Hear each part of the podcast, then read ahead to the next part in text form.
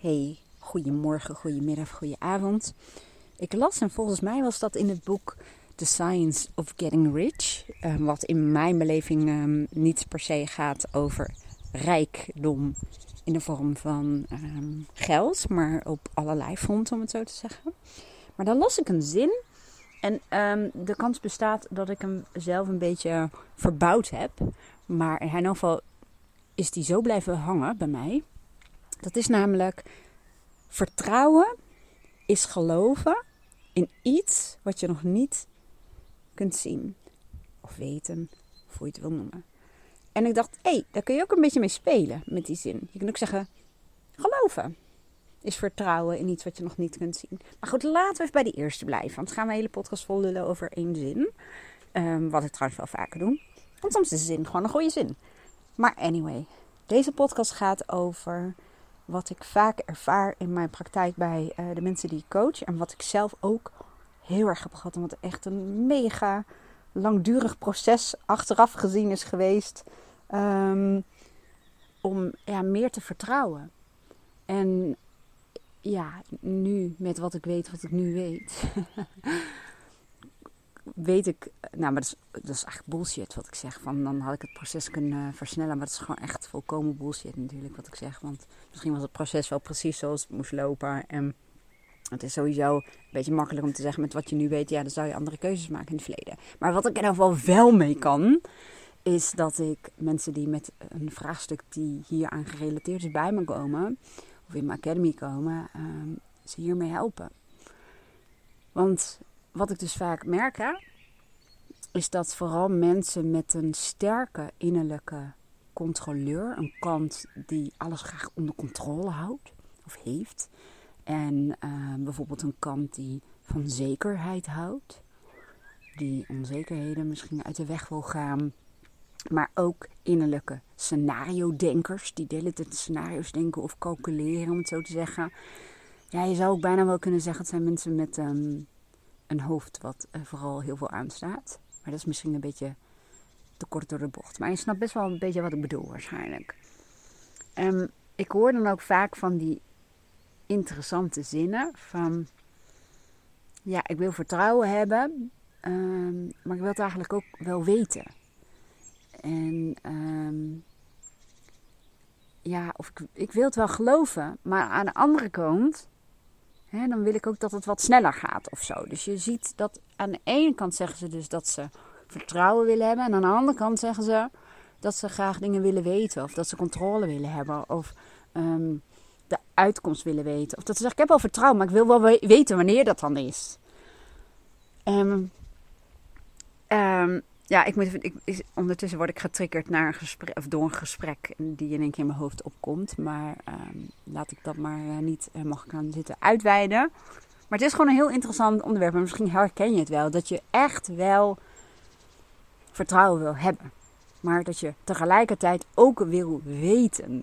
Maar dat is natuurlijk niet wat vertrouwen is. Vertrouwen is juist iets wat je inzet op het moment dat je het juist niet weet. Of nog niet weet.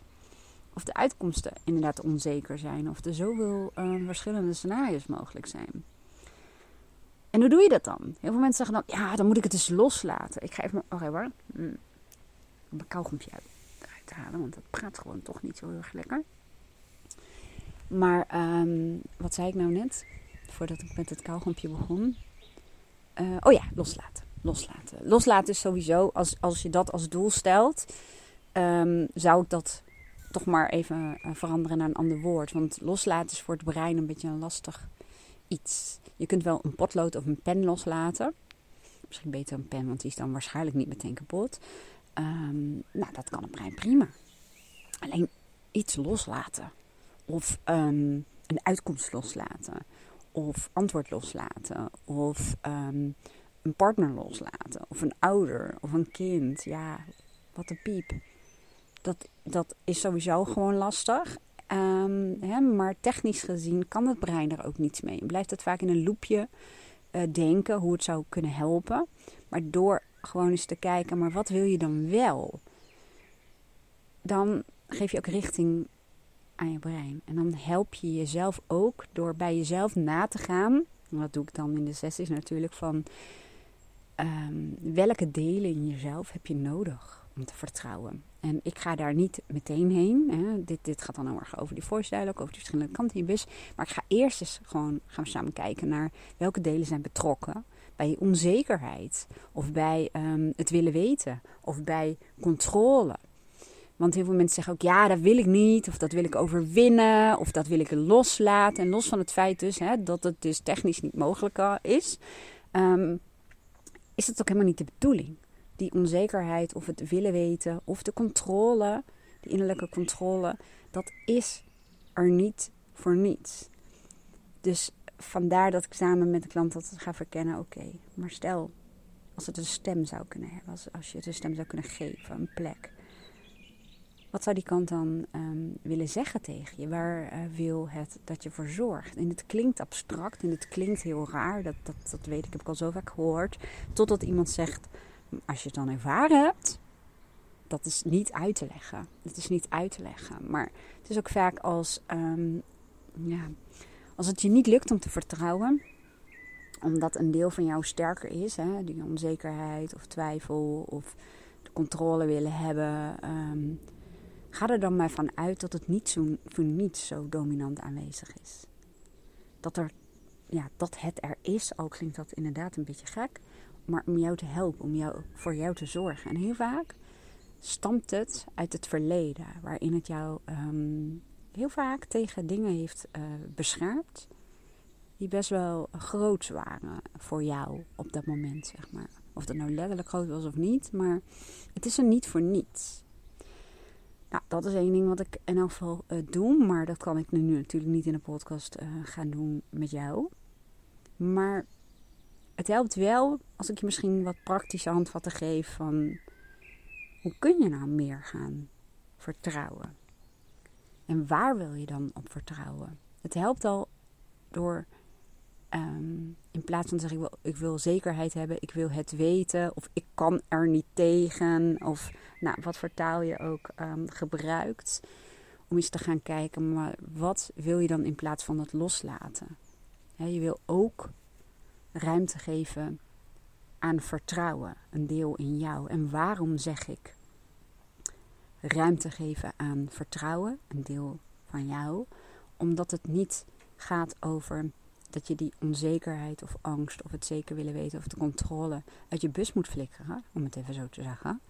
Ehm, die mag er ook zijn. Alleen als het aan je stuur gaat zitten of als het ehm, zo dominant aanwezig is, dan krijg je een heel eenzijdig beeld. En dan kun je als het ware hè, voor je gevoel echt vastzitten in die onzekerheid, twijfel, angst of wat het dan ook is wat je op dat moment hindert en in de weg staat om meer vertrouwen te hebben. En om meer, zoals je dat dan zegt, los te laten. Dus daarom ook zeg ik meer ruimte geven aan ja, het klinkt ook wel weer zo cliché, maar dan krijg je inderdaad balans. En dan krijgt, of dan wordt ook die angst of die twijfel of die onzekerheid of het willen weten of de controle, wordt weer functioneel, om het even zo te zeggen. Het mag er allebei zijn. En dan verandert ook je blik, je perspectief. Het is niet meer eenzijdig vanuit de onzekerheid of het willen weten of de controle hebben. En vanuit die hoek ga je ook dan voelen dat je er niet tegen kan. Of dat het te lang duurt. Of dan blijf je vaak ook um, malen. En uh, hoe doe je dat dan? Want ik had beloofd om wat handvatten te geven. dan, dan ga ik gewoon even terug naar hoe ik dat zelf heb gedaan. Dus eigenlijk deze podcast veel te kort voor. Ik zei van, het was bij mij een langdurig proces. Maar voice dialogue, dus die verschillende kanten in je bus. Dat was echt wel een, um, ja, ik noem het maar even, een van de sleutelmethodes, die heel belangrijk is geweest en dat nog steeds is, en bij uh, klanten ook. Dat betekent dus dat je letterlijk en figuurlijk gewoon eens gaat kijken welke kanten van jezelf betrokken zijn bij nou, de situatie, of je dilemma, of hoe je het ook wil noemen. En dat je echt oprecht um, leert luisteren naar wat die kanten, en soms voelt het natuurlijk als emoties, je te vertellen hebben als ze zouden kunnen praten. Dat je ze niet verafschuwt of ervan baalt of probeert jezelf af te leiden of whatever wat. Maar ja, zoals heel veel mensen zeggen, het omarmen. Of je het nou leuk vindt of niet, ze zijn er niet voor niets, om het zo te zeggen. En vervolgens dat je bij jezelf gaat verkennen, maar welke andere kanten in mezelf heb ik nog meer die mij in deze situatie kunnen helpen als er wat meer zouden zijn. En nou zou je meteen misschien denken, oh, maar dat is dus vertrouwen. Dat kan, hè? dat dat een kant is die op dat moment um, zich aandient, hè? of dat dat een van de kanten is die je nodig hebt. Maar soms is het ook um, speelsigheid. Noem ze ook wel je innerlijke speelse kind. Of relativeren. Of onbevangenheid. Of zorgeloosheid. Um, ik zit even te denken, er was er nog een die, uh, die ik wel eens tegen ben gekomen. Nou, maakt ook even niet uit, maar um, ik ben me even kwijt. Nou, doet er ook niet toe. Maar elk geval kanten die op een andere manier naar de situatie kijken. Om het even zo te zeggen. Dus dat helpt. Tenminste, en dat is misschien lastig om dat te doen zo, zomaar out of the blue bij jezelf. Daarom heb ik er ook een programma voor ontwikkeld. Die heb ik destijds ontwikkeld met een groep vrouwen die ik um, begeleid. En samen met hun heb ik het programma gemaakt. Dat het ook echt aansloot op waar ze dagelijks mee rondliepen. En wat je gaat doen in het programma, dat kun je gewoon zelf doen. Je kunt altijd um, hulp bijboeken uh, door mij. En dat kan zelfs zijn uh, dat je je vraagstuk via WhatsApp bijvoorbeeld voorlegt. Um, dat we op die manier met elkaar contact hebben of uh, een sessie inplannen. Ehm, dus dat, dat kun je los bijboeken als het ware. Maar je gaat in elk geval leren hoe jouw persoonlijkheid in elkaar zit. Welke kanten jij bij wijze van spreken in de bus hebt zitten. Welke primair en dominant zijn. En dat is ook nog contextafhankelijk. Hè? Dus dat is niet in alle situaties gelijk. Die bus, al die kanten zijn niet in beton gegoten, maar die, die hobbelen ook wel eens heen en weer. Um, net als dat je in een vakantie misschien andere kanten naar voren haalt bij jezelf dan op je werk. Ik noem maar even wat. Of in gewoon dagelijkse praktijk. Um, je gaat dus niet alleen maar leren wat, wat je ja, dominante kanten zijn. Maar ook zoals dat zo mooi zeggen. Je verborgen potentieel zit vaak achter in die bus. Dat zijn je verstoten, je onderdrukte delen. En die hoeven niet altijd achter in de bus te zitten. Maar het kan maar zo zijn dat je getriggerd bent. Dat je angst, onzekerheid of um, het willen weten of je innerlijke controleur getriggerd is door een bepaalde situatie of iets wat je dus nog niet weet. En dat um, daardoor ook die kanten die je juist nu nodig hebt, achter in de bus uh, moesten zitten, om het zo te zeggen. Dus je leert ook delen van jezelf te kennen, te herkennen, te erkennen, kan ik wel bijna zeggen, die meer achter in je bus zitten. En ook hoe je die leert in te zetten. En hoe je op een speelse wijze van perspectief kunt wisselen. Want we gebruiken het ook in onze taal. We zeggen ook vaak iets van een andere kant bekijken. Heel veel mensen zeggen letterlijk ook aan de ene kant en aan de andere kant. Hè? Andere invalshoek, ander standpunt, nou, letterlijk ander perspectief. En daarmee um, haal je vaak ook een stukje, ja, hoe zeg je dat? Tunnelvisie weg. Want als je heel um, eenzijdig vanuit die tunnelvisie, vanuit angst, of vanuit controle, of vanuit de kant die zekerheid wil hebben, kijkt, dan, dan, dan, dan, dan wordt het ook soms heel overweldigend. Het gevoel, de, de, het geforceerde van bijvoorbeeld een innerlijke controleur en het verkrampende van bijvoorbeeld angst. En het denkriedeltje van bijvoorbeeld de kant die in allerlei scenario's denkt en die graag zekerheid wil hebben, of die gaat zitten calculeren, of alles uit gaat denken, of die alle beren op de weg ziet. Dus je voelt hem ook in je lichaam, in je emoties, in alles en ook hoe je handelt, als het ware. Nou, in het programma zit ook een onderdeel waarin je gaat kijken um, wat voor functiebeschrijving op dit moment met welke normen je innerlijke criticus heeft. En of die wel matcht met jouw belangrijkste persoonlijke waarden. Of die normen, dat zijn een soort leefregels, wel um, ja, in harmonie zijn of in overeenstemming met je belangrijkste persoonlijke waarden. En dat is een, nou ja, tot nu toe, alles wat ik meegemaakt, in alle gevallen niet het geval. Het conflicteert enorm vaak. Um, maar goed, ik, ik, ga niet helemaal verdieping uh, geven. Als je zegt van nou, ik wil het programma wel doen, maar ik heb wel vragen, dan neem even contact met me op. Ik zet sowieso het linkje even naar het programma. En er is een vrouweneditie. Er zitten wat thema's in die veel bij vrouwen voorkomen. En er is een algemene editie. En um, je mag ze allebei, daar gaat het niet om. Maar um, sommige vrouwen zeggen nee, doe mij dan maar die vrouweneditie. Dus ik zet de linkjes wel eventjes hieronder. De handvatten.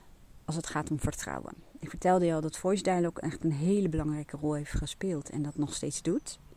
En dat kan ik wel zeggen dat dat niet alleen voor mij geldt, maar ook voor mijn klanten en alle andere mensen die, um, ja, die ik wat heb mogen ja, bijbrengen. Klinkt ook weer zo alsof ik een soort van teacher ben, maar over voice dialogue. Want natuurlijk in vriendenkring uh, doen we dit soort dingetjes ook wel. Um, even voordat ik weer een afslag inga waar ik helemaal niet heen wilde, omdat ik weer getriggerd ben. Maar um, we hadden het over die handvatten. Oh ja, wat heeft mij dan misschien wel, ik denk wel, het allermeeste geholpen? Dat was in de tijd dat ik een burn-out had. En um, achteraf gezien, ik, oh ja, dat was wel een groot woord. Want ik ben uh, twee weken echt ziek geweest. En griep en kon bijna niet op mijn bed komen. kon bijna niet op mijn benen staan. En koorts, dat was voor mij wel een beetje het breekpunt. Um, maar ik ben toen op een gegeven moment uh, toen ik geen koorts meer had, dacht ik, oh ja, nu moet ik wel even regelmaat in mijn dagen hebben. En toen dacht ik, wat ga ik dan doen? Ik was echt zo moe en emotioneel. Als er een vlieg uit de lucht viel, dan, nou, dan barst ik bijna al huilen uit. Allemaal dingen van mezelf, kanten van mezelf die ik helemaal niet uh, toeliet normaal gesproken in mijn leven. Maar goed, dat is ook weer even een ander verhaal. Anyway, ik zie me nog gaan op de fiets naar de bibliotheek. Um, voor mij nog steeds, als ik het alleen maar zie en ruik, een perfecte plek. Alleen ik ben niet meer lid. Uh, ik lees tegenwoordig heel veel um, uh, e-books. Maar anyway, veilige plek. En ik zag een boek liggen. Het geluk in jezelf van Deepak Chopra. Chopra? Chopra. Nou, in ieder geval die man, die ken je vast. Um, en misschien niet. En ik dacht nog van, hmm, wat een suffe titel. Um, maar iets in mij, misschien een kant in mij, mijn intuïtie denk ik eerder, die zei neem het boek maar mee. En ik ben opgevoed met feiten. Mijn vader zei letterlijk: um, Je mag wel met me discussiëren, maar dan moet je het wel feitelijk kunnen onderbouwen. En feiten en spiritualiteit zijn um, toen, laat ik zo zeggen, waren nog twee heel verschillende werelden. En dat boek, dat hielp mij op dat moment precies met dat wat op dat moment mega ontbrak. Vertrouwen. Want ik leefde heel veel in mijn hoofd. Ik probeerde dingen uit te kristalliseren, te calculeren, verschillende scenario's te analyseren. Weet ik veel wat ik allemaal deed. Maar het zat me vooral in het weten, willen weten en in de controle en, en angst en nou, dat soort dingen. Ik wilde weten. Maar heel veel dingen waren niet te weten. En dan was soms nog niet. En dat was wel een soort van gat, wat ik met mijn hoofd niet opgelost kreeg. Al bleef ik het maar proberen. En ik las het boek. En het ging ook, ehm, als ik nu zou lezen, zou ik waarschijnlijk er heel anders naar kijken. Maar voor mij, als ik het nu nog herinner, wat, wat toen ehm, bij mij, uh, wat, nou niet wat, heel veel in beweging heeft gezet, is dat hij het voor elkaar kreeg om best wel vanuit feiten en logica, want hij putte ook heel veel uit uh, natuurwetten. En als ik het goed heb, is hij ook arts. Um, maar hij maakte voor mij het bruggetje van uh, logica naar spiritualiteit. Hè? Dat waren nog twee werelden. En uh, doordat hij heel veel vertelde over synchroniciteit, volgens mij spreekt dat woord heel vaak verkeerd uit, maar ik, um, ik ga nog eens nakijken. Synchroniciteit.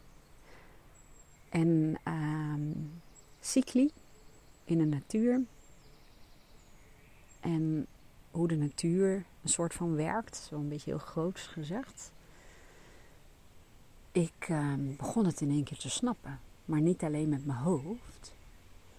Maar ik zou nu zeggen met mijn zijn, wat heel vaag klinkt, I know. Maar misschien met alles in mij. Ik denk dat het heel erg mijn gevoel, mijn intuïtie, wat misschien best wel een soort van uh, ja, soort sabbatical achter in mijn bus zat van mij mogen er niet meer bij zijn. Nee, dat is niet waar. Mijn gevoel, eh, niemand kan zonder gevoel, uh, gevoel, intuïtie, is maar net hoe je het noemt. Maar in elk geval, het werd niet zo heel erg bewust betrokken bij bepaalde dingen. En het zat waarschijnlijk achter in mijn bus te roepen. Maar ik luisterde er niet naar, want mijn hoofd schreeuwde harder van... Hallo, ik ben ook nog hè. Hallo, ik zou ook wel wat willen zeggen. Je intuïtie, weet je nog? Um, ik noem het intuïtie, ja. Een ander noemt het weer anders. Um, maar dat maakt niet uit. In elk geval, door het lezen werd dat deel um, steeds meer naar voren gehaald. En tegelijkertijd voelde ik me ook steeds met mezelf. En begreep ik op allerlei verschillende niveaus wat vertrouwen inhoudt. Ik zeggen inhield, maar dat doet het natuurlijk nog steeds. En dat ik ongelooflijk aan het forceren was. En dan van poging deed om. Maar dat heel veel zaken, ook in de natuur, niet te forceren zijn. Dat er cycli zijn. En dat je die niet kunt ehm, ja, versnellen, bijvoorbeeld. En dat niet weten uh, eerder realiteit is dan wel weten. En nu wordt het misschien abstract, dat snap ik. Maar er gebeurde in ieder geval bij mij van alles. En ja, daarom is het ook niet het lezen van de kennis, maar het hielp mij om mezelf weer te herinneren aan ook kanten die ik had. En het was tevens een brug naar ehm, ja, de wet van de aantrekkingskracht. Al ligt daar zo'n zo soort label op, secretachtig label. Maar ehm, op een heel andere manier dan het meestal wordt uh, benoemd op social media en zo. Het is natuurlijk maar net waar je kijkt, hè, maar wat ik wel eens voorbij zie uh, komen. Ehm, wat je wilt, dat manifesteer je en zo. Maar um, deze wet van aantrekkingskracht, zoals hij dat vertelde, en ik weet niet eens of hij die woorden heeft gebruikt. Hè? Synchroniciteit gebruikt hij dan heel veel. Maar het kreeg in één keer betekenis. En um, dat heeft mij heel erg geholpen om uh, open te staan. Dat is het misschien, want het gaat natuurlijk naar een handvat voor jou. Dat is het idee, hè? Maar om open te staan voor antwoorden, oplossingen, inzichten, mogelijkheden. Uit, ik noem het nu even, onverwachte hoek. Dat was wat het voor mij op dat moment toen was. Dat ik dacht, ik hoef niet alles met mijn hoofd uit te denken. En te voorzien. En te bedenken. Ook omdat dat vaak helemaal niet zo slim is. Om dat alleen maar met je hoofd te doen. Dat je daarmee jezelf ook nog wel eens heel erg beperkt. Omdat er heel veel data of informatie is er nog niet. Je put eigenlijk uit een database die er al is. Met allemaal reeds bestaande informatie. En daar probeer je iets mee te creëren voor jezelf. Wat iets op gaat lossen bijvoorbeeld. Maar het gaat heel vaak juist over datgene wat je nog niet weet. En toen heb ik geleerd om, ehm, nou ja, ik noem het ontvankelijk te zijn, maar om te vertrouwen. Door ten eerste mijn aandacht te richten op, maar wat wil ik dan wel? Ik probeerde mezelf weg te kapen bij het probleem. Mee te sleuren was het beter op dat moment. Naar de gewenste richting. Wat wil ik dan wel? Als ik dit niet wil, wat zegt dat dan over wat ik wel wil? Was dat makkelijk? Nee, want dat betekent dat je vaak onder andere gaat nadenken. Dus daar gaat het hoofd gewoon functioneel voor je aan het werk, zullen we maar zeggen. Maar ook voelen, ervaren, uh, bewustzijn. Dus hè, wat dan wel? Wat wil je dan wel?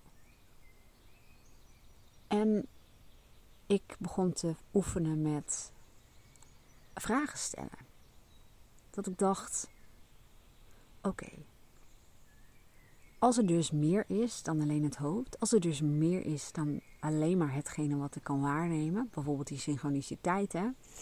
Um, toevalligheden, zoals je het ook wel zou kunnen noemen. Um, ja, wat is dan mijn vraag? Of wat wil ik dan dat er gebeurt? Of waar wil ik dan een antwoord op hebben? Of waar wil ik mee geholpen worden? En mensen die uh, bezig, zijn met, bezig zijn met een godsdienst. Dat klinkt heel gek, hè? maar je snapt denk ik wel wat ik bedoel. Bidden is eigenlijk vaak ook zoiets. Ja, dat, dat, is, dat heeft er best wel wat weg van. Want daar geef je jezelf een soort van ook over aan een grotere of hogere macht, of hoe jij dat ook wil noemen. En ik deed dat met het onbekende. Ik, ik, ik, ik wist eigenlijk niet aan wie ik dan die vraag stelde. Maar dat was ook, dat was ook wat in het boek uh, naar voren kwam. Dat um, alles met elkaar verbonden is. En dat je daar onderdeel van uitmaakt. En het kan ook zo zijn dat ik nu meerdere boeken van hem door elkaar haal en anders schrijf. Dat doet er ook niet toe, maar zo herinner ik het mij in elk geval.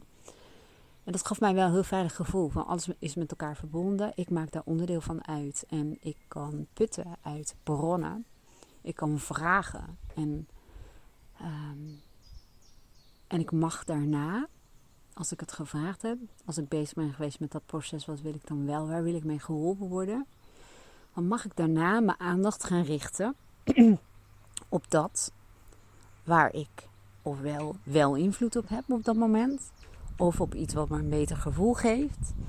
Ehm, en dat is dus, ik moet even een slokje nemen, ik. Maar dat is denk ik ook wat mensen eigenlijk bedoelen met loslaten.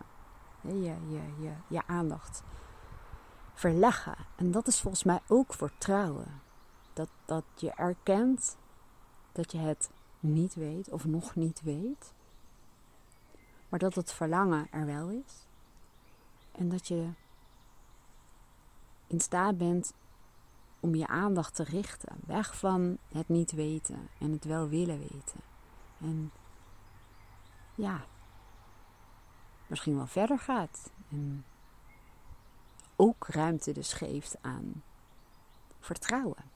En later leerde ik, ehm, ik weet niet meer waar dat nou uitkomt hoor, geen idee. Maar uh, dat als je al zegt, ik ben bereid om te geloven, ik ben bereid om hulp te ontvangen of begeleiding te ontvangen. Ik wil geloven dat. Dat helpt al. Je hoeft het nog niet te geloven. Ik geloofde het toen ook nog niet. Nou, ik denk dat ik het wel geloofde, maar mijn hoofd zei dat dat niet zo kon zijn. En ook niet zo makkelijk kon zijn. En soms kun je wel zeggen tegen jezelf: verwacht wonderen. En dat kan ik dan toch wel als een van de positieve kenteringen in mijn leven noemen. En ehm, dat heeft me enorm geholpen. Om, ik heb echt ook angststoornis gehad. Hè? En een obsessief-compulsieve stoornis. Dus als we het hebben over angst en de controle willen hebben, kan ik wel zeggen dat ik wel um, mijn lessen daarin heb geleerd. En wel weet hoe het is. En uh, nou dat was denk ik het, uh, ja, het begin. Klinkt ook weer dan markeer ik zo'n moment. Maar voor mij in ieder geval was het wel een, is het wel een moment dat gemarkeerd is. En daarna ben ik steeds verder me gaan verdiepen in synchroniciteit, in intuïtie, vertrouwen, natuur. Dan kwam ik ook bij de wet van de aantrekkingskracht. En ik heb nog steeds wel moeite met die zin, wet van de aantrekkingskracht. Omdat ik... Um, misschien het ook te beperkend vindt en te commercieel of zo. Of te. We manifesteren alles wel even. Eh, terwijl de wet van de aantrekkingskracht. Um, de essentie natuurlijk het gelijke trekt het gelijke aan.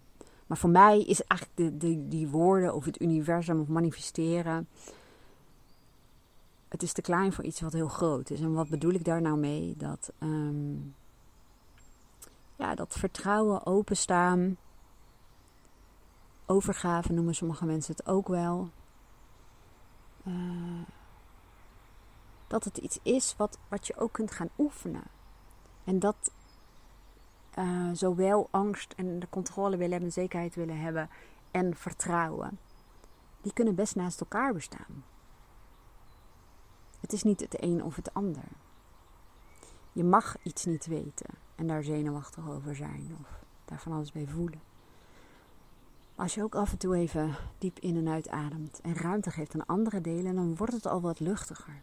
En dan ben je al aan het oefenen met vertrouwen. En mezelf eraan herinneren dat als er een situatie is waarin ik merk dat ik getriggerd word en graag het wil weten, graag de regie wil hebben, dan herinner ik mezelf vaak aan die zin. Vertrouwen. Vertrouwen is niet dat je het wil weten. Vertrouwen is geloven in iets wat je nog niet kunt zien. Echt geloven. Echt vertrouwen. En mij helpt het om mijn aandacht en tijd en energie te steken in dat als ik geholpen word, op wat voor manier dan ook, is het misschien mijn eigen brein? Is het omdat er iemand op mijn pad komt? Is het omdat ik een inzicht krijg, of een podcast luister, of een zinnetje hoor, of een ingeving krijg, wat het dan ook mogen zijn? Maar um, door de aandacht te richten op waar wil je dan bij geholpen worden? Wat zou je graag willen? Wat wil je ervaren? Wil je voelen? Dan help je jezelf en dan geef je letterlijk en figuurlijk ruimte aan je, ik noem het, ik noem het bij mezelf mijn intuïtie, mijn innerlijk weten. Maar, dat is allemaal heel erg vanuit jezelf, maar ook ja, alles om mij heen. En nogmaals, nu denk je echt, mijn god, waar ben jij ja, denk je, uh, gezweefd. Is gezweefd? Gezweefd? Gezwoven? Gezweefd? Um, nou ja, je snapt wat ik bedoel. maar soms zit namelijk een antwoord niet in een, um, ja, in een bepaalde oplossing of antwoord, maar soms zit het hem in iets wat je in de natuur waarneemt? Of um, ja, ik zit even te kijken of ik nog een voorbeeld kan bedenken, maar mm, ja, nou ja, nee, dat is denk ik te vaag. Als ik zeg, eh, wij, Aaron en ik lopen heel veel in het bos en ook s ochtends vroeg om kwart over zes al. En dan zien we bijvoorbeeld wild. En als dan zo'n hertje of een bokje, laatst was een klein bokje. En uh, die was gewoon in mijn ogen, hè, dat ben ik nu voor hem aan het bepalen, maar net zo nieuwsgierig naar ons als wij naar hem. En hij bleef op korte afstand naar ons kijken, heel lang. En uh, dat is voor mij ook al iets wat mij helpt, wat, wat die verbondenheid uh, voelen. En daarom zeg ik, misschien is dit een vraag, omdat het natuurlijk mijn ervaring is. Ik kan niet uitleggen wat ik daarbij voel. Uh, maar het kan ook zo zijn dat je weet ik veel, een menukaart openslaat op een terrasje. En dat daar een zinnetje onderin staat. En dat je daardoor valt het kwartje in één keer. Of snap je het in één keer. Of um, gaat iemand jou een oplossing geven. Of soms is het ook, ik heb ook wel eens gehad dat mijn agenda toch best wel veel te strak gepland was. En um, nou vroeg ik bij wijze van spreken mijn oplossing. Niet zo in deze zin als dat ik nu zeg. En dan kreeg ik een appje dat um, iemand uh, te laat weg was gegaan of in de file staat of um, of het een probleem was dat hij iets later kwam en dan werd het alsnog opgelost. En dat zijn wat ik bedoel met vertrouwen. Je hoeft en je kunt niet altijd alles zelf te bedenken en te doen. Want ja, sommige oplossingen of sommige dingen lossen zichzelf op, dat is een betere zin. Sommige dingen lossen zichzelf op. Want dat van bijvoorbeeld die uh, klant, die ofwel in de file stond of later weg was gegaan, of vraagt of het wat later kan worden. Dat had ik niet in mijn repertoire van dingen waar ik invloed op zou kunnen hebben. Of die ik zou kunnen bedenken om een probleem op te lossen. Natuurlijk had ik die klant kunnen vragen. Er zat dan weer een norm achter, dat doe je niet. Nou, ander verhaal. Um, en dit gebeurde wel. En het zorgde ervoor dat die klant gerustgesteld was. Zeg maar, die had even zoiets oké, mooi, fijn. Hoef ik me ook verder niet te haasten. En mij gaf het bijvoorbeeld ook wat meer ruimte. Dus dit is even zo'n praktisch voorbeeld. Maar zo ken je waarschijnlijk in je leven wel meer dingen die zichzelf oplossen. En daar ga ik denk ik ook mee afsluiten. Um, ik ga even mijn moeder bellen. In de hangmat. Daar heb je helemaal niks aan. Maar ik vond het wel leuk om te vertellen. Um, waarom weet ik eigenlijk ook niet. Maar omdat die hangmat in één keer begint te schommelen of zo, denk ik. Um, wat wou ik nou zeggen? Want ik ging ergens mee afsluiten, zei ik. Oh ja, dat was het. Oké. Um, al ga je de komende tijd alleen maar letten op uh, dingen die zichzelf oplossen, zonder jouw uh, interventie met je hoofd, zullen we maar zeggen, dat voedt je vertrouwen al. Of dingen waarvan je dacht dat het uh, helemaal niet goed af zou lopen of een heel groot probleem zou worden, terwijl het dat in de praktijk helemaal niet was. Door je um, blik daarop te richten, voed je als het ware ook al je vertrouwen. Nou, ik hoop dat je hier wat mee kan. Um, dat wens ik je ook. Want ik weet dat het leven met je innerlijke angst en je innerlijke controleur en de kant die zekerheid wil of die van routine en regelmaat houdt. En de kanten die meer vrij zijn en vertrouwen hebben. Um, of zelfverzekerd zijn of noem het allemaal maar op. Dat als je uh, die delen bewust als het ware kunt aanspreken. Zonder dat je kanten de bus uit wil flikkeren. Om het eventjes zo ongepast te zeggen misschien. Weet je, je leven wordt gewoon... Ja, een stuk gelukkiger, zullen we maar zeggen. Dat kan ik absoluut beamen en ik niet alleen. Nogmaals, ik hoop dat je er wat aan had. En ik wens je een hele mooie dag en heel graag tot de volgende podcast. Of misschien zie ik je wel in een van mijn online programma's. Of in mijn uh, praktijk of bij Mindshifters. Je kunt me op verschillende plekken vinden. Tot de volgende keer.